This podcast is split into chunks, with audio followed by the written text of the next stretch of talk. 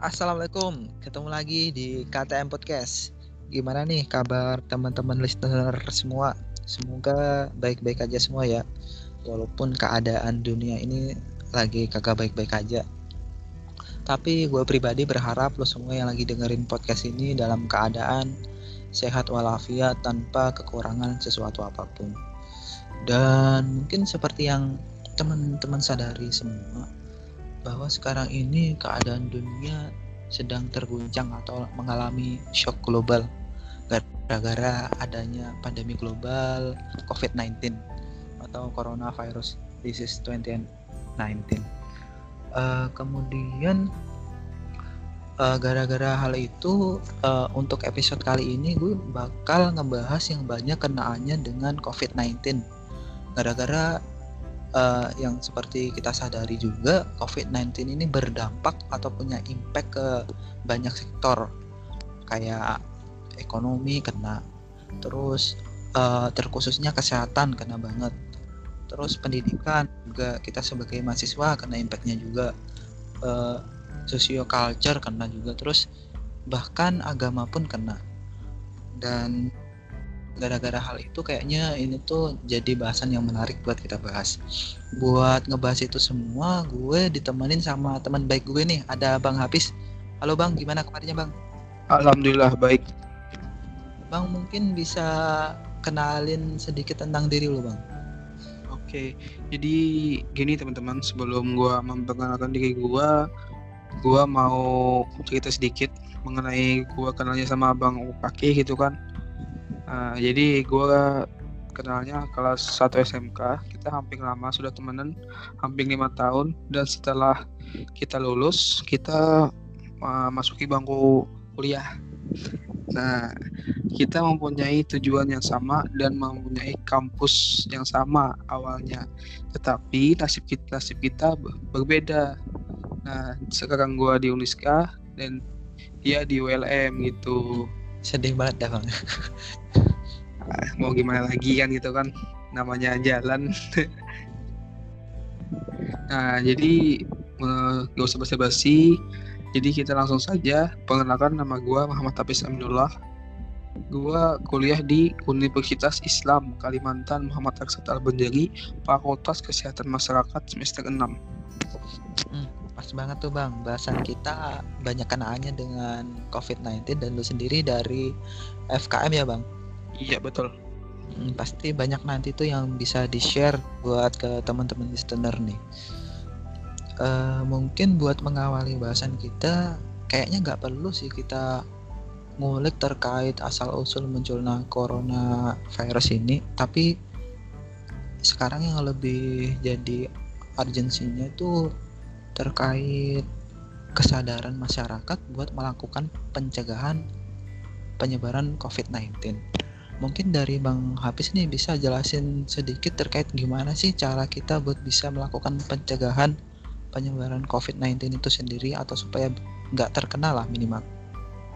Nah, jadi mungkin teman-teman sudah banyak yang tahu mengenai pencegahan COVID-19. Jadi di sini gua mengingatkan kembali uh, yang pertama cuci tangan.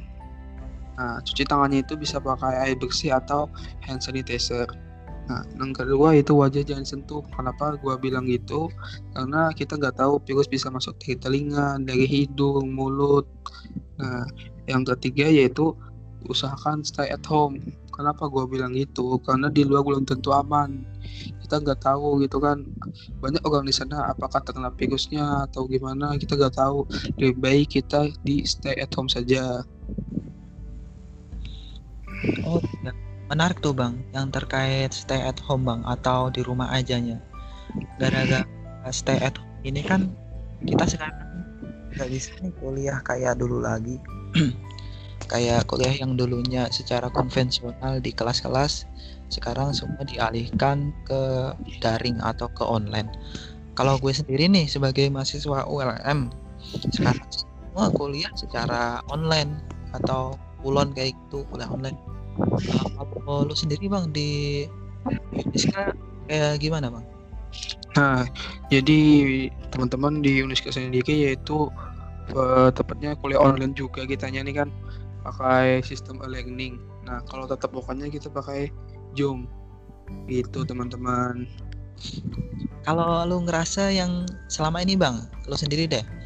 Uh, lu tuh ngerasanya apakah kuliah yang kita jalani sekarang itu efektif atau kagak, Bang? Nah, jadi menurut gua gitu tidak efektif lah pastinya. Kenapa gua bilang gitu? Karena kita gak bisa tetap muka, gak bisa gak bisa seseluasa mungkin kita beraktivitas di dalam kampusnya gitu, teman-teman. Hmm, berarti sama sih bang, kayak yang gue rasain. Gue tuh kayak ngerasa juga kalau kuliah online tuh sebenarnya eh, ya kurang efektif sih. Tapi ini bang, kayaknya ada sih kayak hikmah di balik semua itu. Atau bukan hikmah sih kayak uh, lebih baik kita mengesampingkan ketidak eh keefektifan kuliah kita supaya kita bisa tetap terjaga kondisi kesehatannya supaya kita bisa tetap stay at home. Kalau masalahnya kalau kita akan kul kita kuliah secara uh, di kelas-kelas kayak gitu kan kita kan jadinya hitungannya berkumpul kan bang Iya, Kalau betul. kita berkumpul pasti itu uh, bisa memicu rantai penyebaran virus corona itu sendiri. Jadi itu sekarang kayaknya nggak apa-apa sih kuliah kita uh, tepatnya kurang efektif daripada kita mm, mengorbankan diri kita atau mengorbankan keselamatan kita di luaran sana kalau kita kuliah bisa malah terkena corona gitu ya bang. Iya betul. Karena gini bang, ke kesehatan itu lebih mahal bang.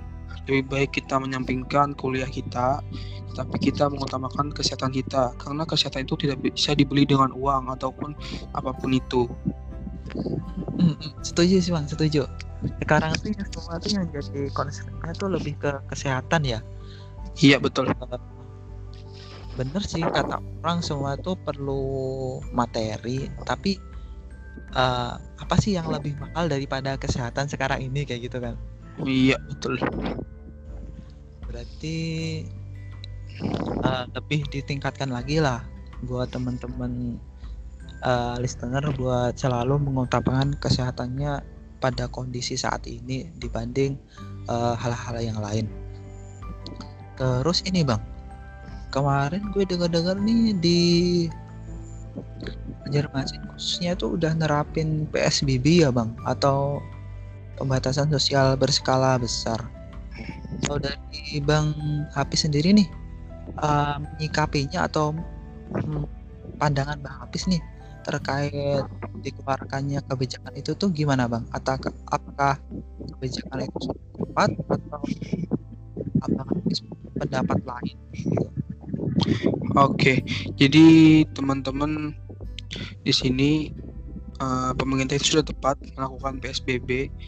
Kenapa gue bilang gitu? Karena pemerintah juga mau memutus tali rantai virus corona.